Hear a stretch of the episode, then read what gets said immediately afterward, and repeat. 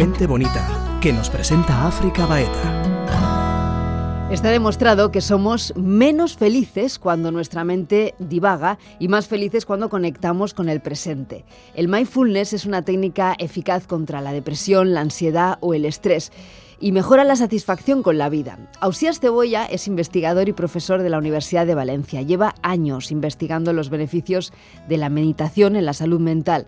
Con él indagamos hoy sobre la importancia de trabajar la atención para enfocar nuestra mente hacia el pensamiento positivo y que su vuelo libre no nos lleve a vivir en una ficción constante.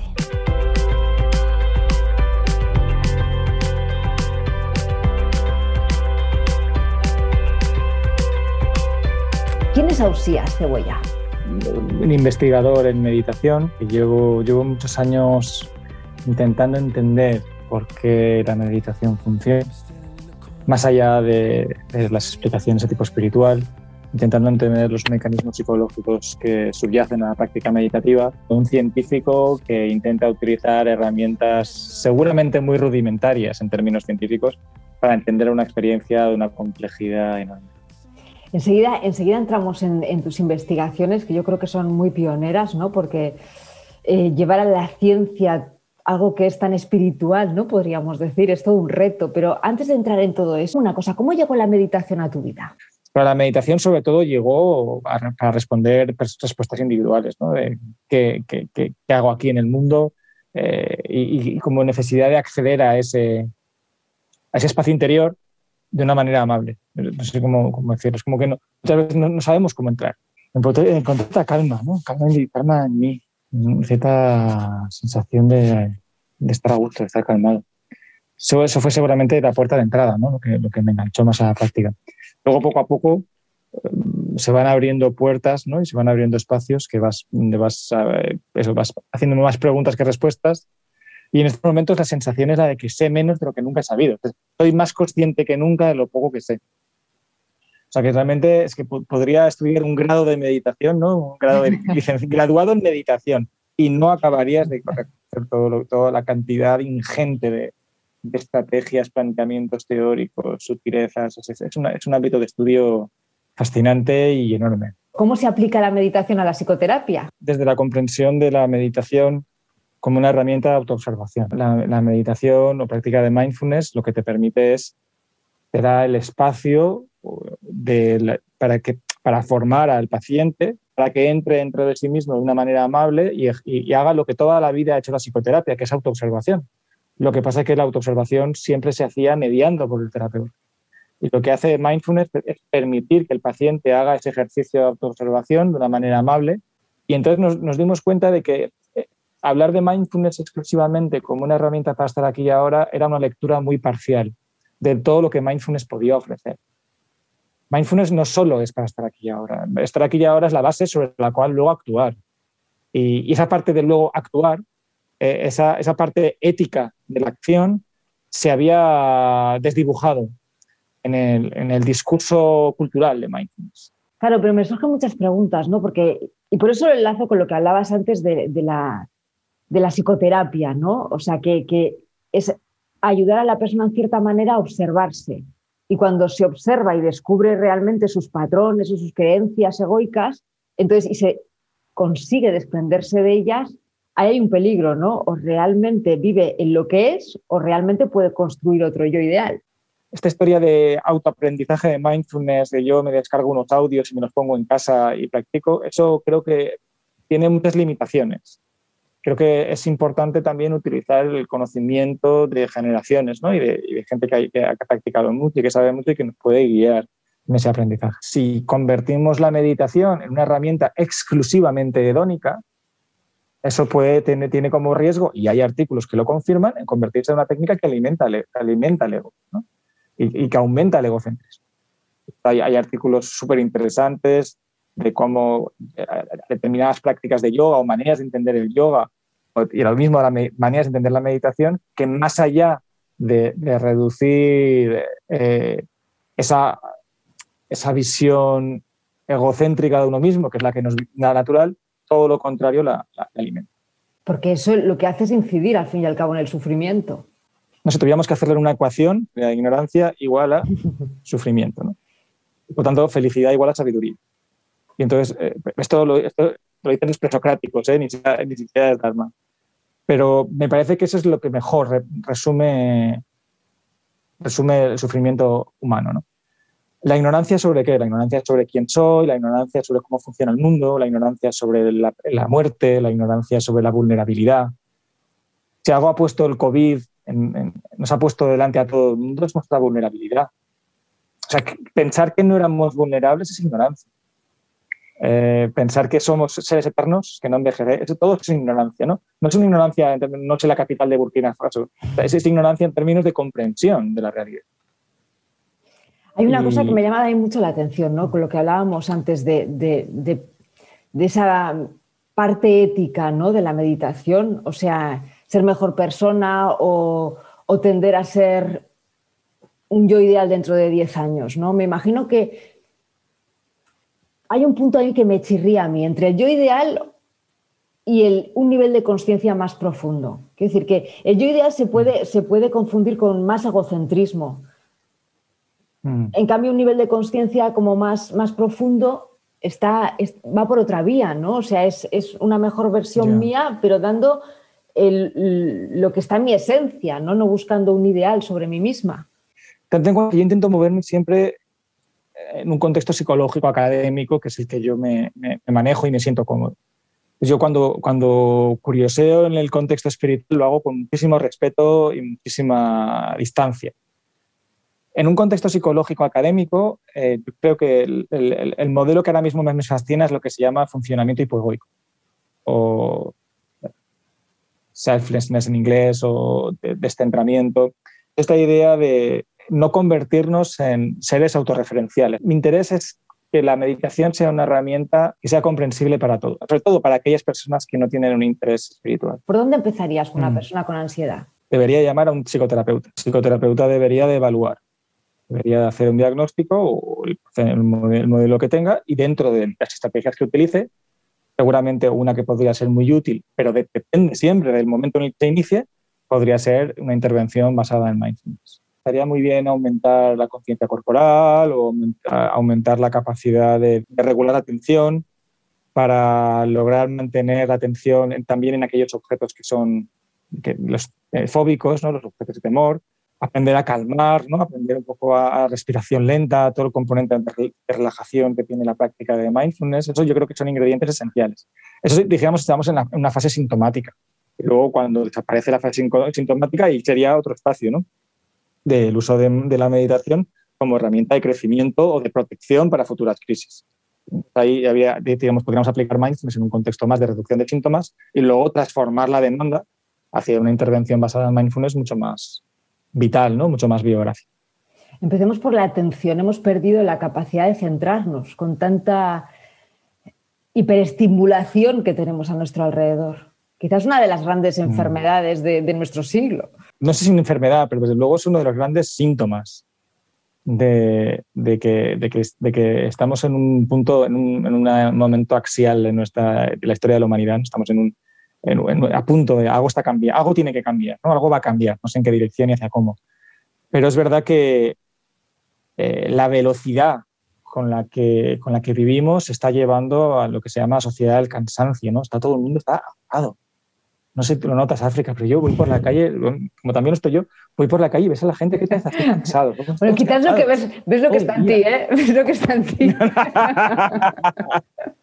yo estoy en una fase de paternidad, el cansancio se va por pero, pero vas a grandes ciudades y, y, la, ves a la gente agotada, corriendo, estresada. Algo está pasando. Y es verdad que la atención seguramente es uno de los fenómenos que, más, que es más llamativo porque eh, es, un hábito que si no, si no cultivas, eh, no, no, no, sabes manejarlo. Dicen que las personas con mayor capacidad de atención son las personas más felices. Sí, sí, sí. Hay, hay varios, varios teóricos que plantean que la atención es la esencia y que la atención, una un buen cultivo atencional sería suficiente. Porque al fin y al cabo, si tú sabes a qué atender, pues, al final acabas atendiendo aquello que te satisface, ¿no? aquello que te gusta y aquello que, te hace feliz. La capacidad de ¿Cuánto tiempo pasamos al día claro, cuánto tiempo pasamos al día dándole vueltas sobre cosas inútiles que no podemos cambiar y que, y que cuando decidimos, no, quiero atender a esto otro, no logramos mantener la atención ahí. Claro, y desde ahí Es verdad que nuestra, nuestros, nuestra gente mayor, abuelos, pues al tener menos estimulación, tenían más espacio para cultivar la atención porque les venía dada, ¿no? O sea, aburrido, o sea, es un viaje largo, no tienes un teléfono móvil, no tienes un libro, solo puedes mirar un paisaje, pues obviamente ahí vas eh, atemperando ¿no? y cultivando cierta capacidad atencional. Qué importante es lo que has dicho, ¿no? O sea, enlazar atención con capacidad de elección, porque mm. ahí está el principio de nuestra esclavitud, ¿no? O sea, si no podemos elegir porque mm. no estamos atentos, somos eh, esclavos, ¿no? De, nuestro automatismo. Este, esta constante no presencia en nuestra vida cotidiana, en principio es inocua si, si, no tienes ningún conflicto importante. Pero en cuanto hay una crisis vital, esta tendencia o esta falta de habilidades para gestionar la atención puede convertir la mente en nuestro peor enemigo, ¿no? de, de, de, odio, de autorrechazo, de crítica, de, verbalizaciones agresivas hacia, nosotros mismos, hacia nosotras mismas. Creo que eso es, lo, eso es lo esencial, que a lo mejor en la vida cotidiana no nos sirve, no nos damos cuenta, pero sí que se nota mucho cuando estamos en una crisis vital. ¿Y cómo acallar todas esas voces? Que van a ir siempre con nosotros, porque esas voces yo creo que no se, no se acallan, ¿no? ¿Cómo, cómo reconciliarnos con esas voces críticas? Pues mira, eso lleva intentando arreglarlo desde Sigmund Freud. Sigmund Freud ya, las, ya las detectó, las voces internas. Bueno, para mí mindfulness es la herramienta más sofisticada para regular eso, para, para, para manejar las voces internas, para saber qué parte de mí dice qué cosa de mí, para identificarla. Creo que es la más sofisticada. No es la, no es la, no es no lo sustituye la psicoterapia. La psicoterapia es una herramienta mucho más compleja que mindfulness. Pero sí, desde luego, es una herramienta idónea para, para cultivar esa parte. Y luego está nuestra conciencia corporal, ¿no? que es algo que, que, que, durante mucho tiempo yo creo que abandonamos. Creo que hay, creo que hay factores también culturales para, esta conciencia corporal que tiene que ver con nuestra tradición judío-cristiana, ¿no? de, comprensión del cuerpo como, como, una fuente de pecado, incluso en la, tradición occidental más psicológica, el psicoanálisis, se le ha dado un papel testimonial al cuerpo cuando no negativo. De hecho, yo cuando empecé a investigar estas cosas no conseguía encontrar un cuestionario que evaluara la conciencia corporal que no fuera para evaluar eh, aspectos negativos de la conciencia corporal. Se hablaba de la amplificación corporal. ¿no? Tu, cuerpo era, si estabas muy centrado en el cuerpo, era para estar mal, ¿no? Para sentir síntomas. Y hace relativamente poco se empezaba a hablar de esta conciencia corporal adaptativa, la conciencia corporal amable, y, realmente está siendo fascinante. Eh, están encontrando respuestas muy bonitas de cómo se relaciona la conciencia corporal con la empatía, de cómo se con la regulación emocional, con la atención, con la presencia, con la postura. Eh, está recuperando o reivindicando cosas que la tradición humanista ya decía, eh, del papel del cuerpo, o incluso la tradición yógica ya hablaba de la postura, pero que a nivel académico no se había logrado acotar. Y, en los últimos años están desarrollando unos modelos teóricos y, unos datos fascinantes sobre la importancia de, reconocer y de ser habilidoso buscando eh, y, cultivando una conciencia del cuerpo. Las emociones no las podemos escoger, no, puedo escoger qué emoción quiero sentir. Lo que sí que puedo hacer es eh, ser habilidoso en el lugar donde, la partida de las emociones discurre, que es en el cuerpo. Y yo tengo la capacidad de bajar a mi cuerpo y reconocer aquello que me está pasando a un nivel microscópico, a un nivel sutil. Claro, todo el mundo nota un dolor de rodilla, eh, porque eso es muy llamativo, pero empezar a notar un enfado cuando estamos a un nivel de 1 sobre 10 o empezar a sentir que hay una incomodidad en mí o que hay un disfrute. Si estamos constantemente viviendo en, la mente, ¿no? en, el, en, el, discurso y no estamos aterrizados en el cuerpo, de alguna manera estamos perdiendo una cantidad de información enorme para comprender, para, para sentir, para percibir el ser en el mundo. Yo recuerdo los primeros estudios que hacía de mindfulness, mi tesis doctoral y los posteriores, recuerdo algunas frases que decían las participantes y los participantes, que era, recuerdo uno que decía, me siento más yo. Ostras, y eso para mí era fascinante, me siento más yo. No, no, sabía qué modelo psicológico aplicar para explicar eso. Digo, ¿cómo que me siento más yo? ¿Qué quiere decir esto? Y, luego, poco a poco, haciendo un análisis más fino, tenía mucho que ver con eso. Me siento más capaz de reconocer mis estados, ¿no? de, de, habitarme, ¿no? de estar dentro de mí, de sentirme yo.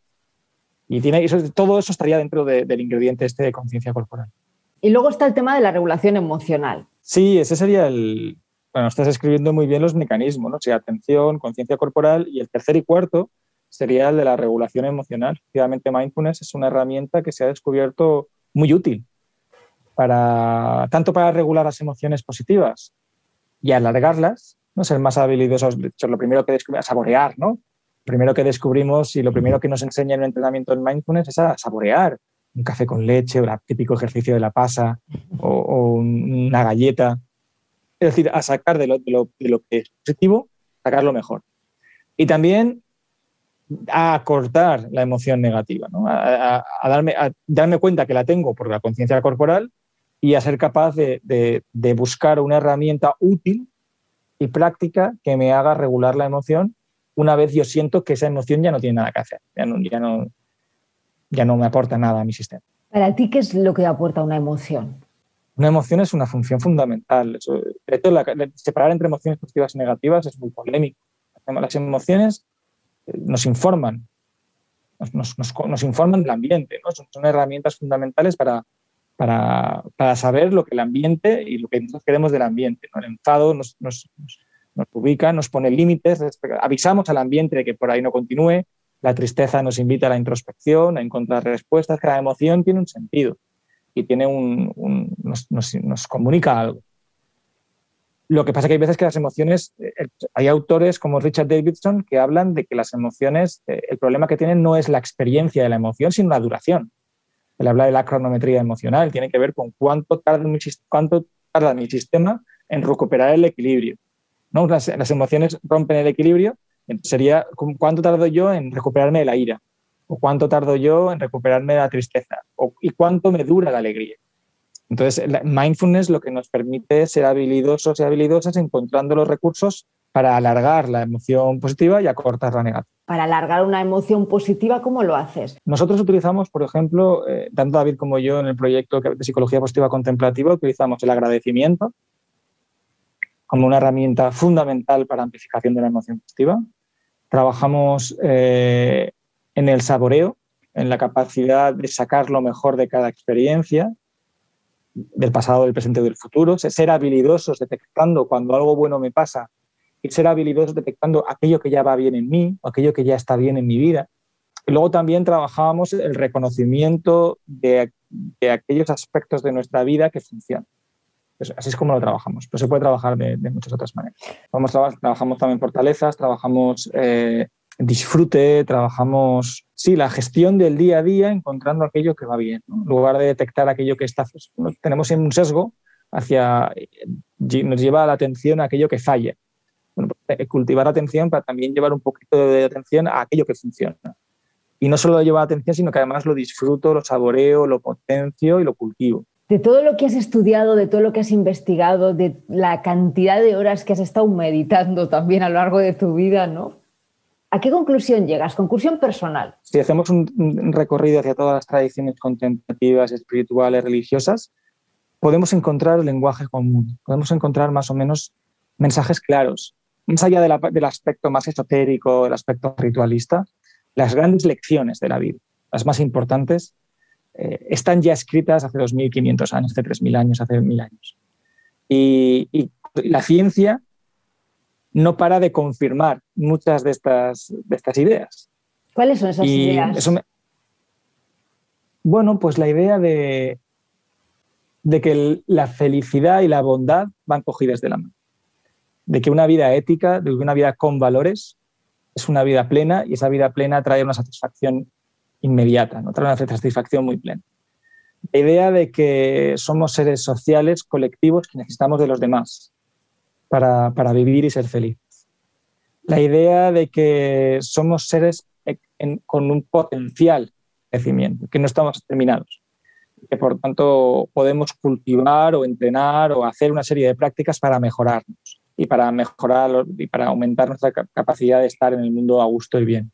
Toda la sabiduría perenne que hay, toda la sabiduría que hay en, en toda nuestra tradición cultural, es verdad que hablo de tradición cultural básicamente occidental, pero toda la tradición cultural y, toda la sabiduría que hay en las tradiciones contemplativas me parece un recurso inabarcable. En, el caso del budismo todavía más fascinante porque ya hablan de procesos mucho más muy, muy, muy finitos, de procesos muy, muy sensibles. Y que hace 2500 años ya estuvieran hablando de emoción, de percepción, de atención, que son eh, lenguajes que la psicología llegó prácticamente a la misma conclusión o muy similar por un camino completamente diferente, eso para mí todavía me sobrecoge. En el caso del cristianismo, todo el aspecto ético, todo el aspecto de cuidar a los demás, todo el aspecto de encontrar el bienestar a partir de la entrega, me parece fascinante y es un poco también lo que la ciencia está confirmando. Entonces, eh, creo que la tradición, la ciencia y las tradiciones contemplativas eh, acaban de empezar un romance y creo que va a traer grandes frutos para la humanidad. Claro, la ciencia eh, va de la mano porque va demostrando empíricamente todo lo que se ha ido diciendo desde el punto de vista religioso, espiritual, como quieras llamarlo, ¿no? Claro, va demostrando, pero también va haciendo un ejercicio muy bonito, que es el ejercicio de alguna manera de, no voy a decir de limpiar, pero sí de, acotar lo, que es fe, lo que es creencia y lo que es una herramienta que, que, sea universal. ¿no? La ciencia tiene algo que es un lenguaje muy universal, es tú no necesitas tener fe para creer que la ciencia es una, es una herramienta de descubrimiento. Y en cambio, las tradiciones contemplativas, muchas de ellas sí que te piden cierto compromiso o cierta fe. Entonces, la ciencia, en la sociedad en la que vivimos, es la herramienta que está resultando más, más, más revolucionaria para mejorar la calidad de vida de las personas. Seguramente las religiones, tal y como están desarrolladas, han dejado de ser para muchos de nosotros útiles. Eh, estamos en una fase de transformación Estamos cambiando las religiones, convirtiéndolas en otra cosa. Eh, todas, ¿eh? Y las que no se quedarán acotadas en espacios mínimos de con una relevancia mínima. Y, seguramente es ese diálogo ciencia-religión lo que, lo que va a transformar ambas cosas, ¿no? La religión y la ciencia. Eso te iba a decir, ¿dónde termina este romance ¿no? entre, entre ciencia y religión? ¿Dónde crees que va a terminar? Con la, con la fusión, claro. Creo que la meditación es la herramienta más sofisticada que ha creado la humanidad para hacernos mejores personas. Qué bueno. Pues con eso nos quedamos. Muchísimas gracias. te voy. ha sido un placer. A ti. Muchas gracias,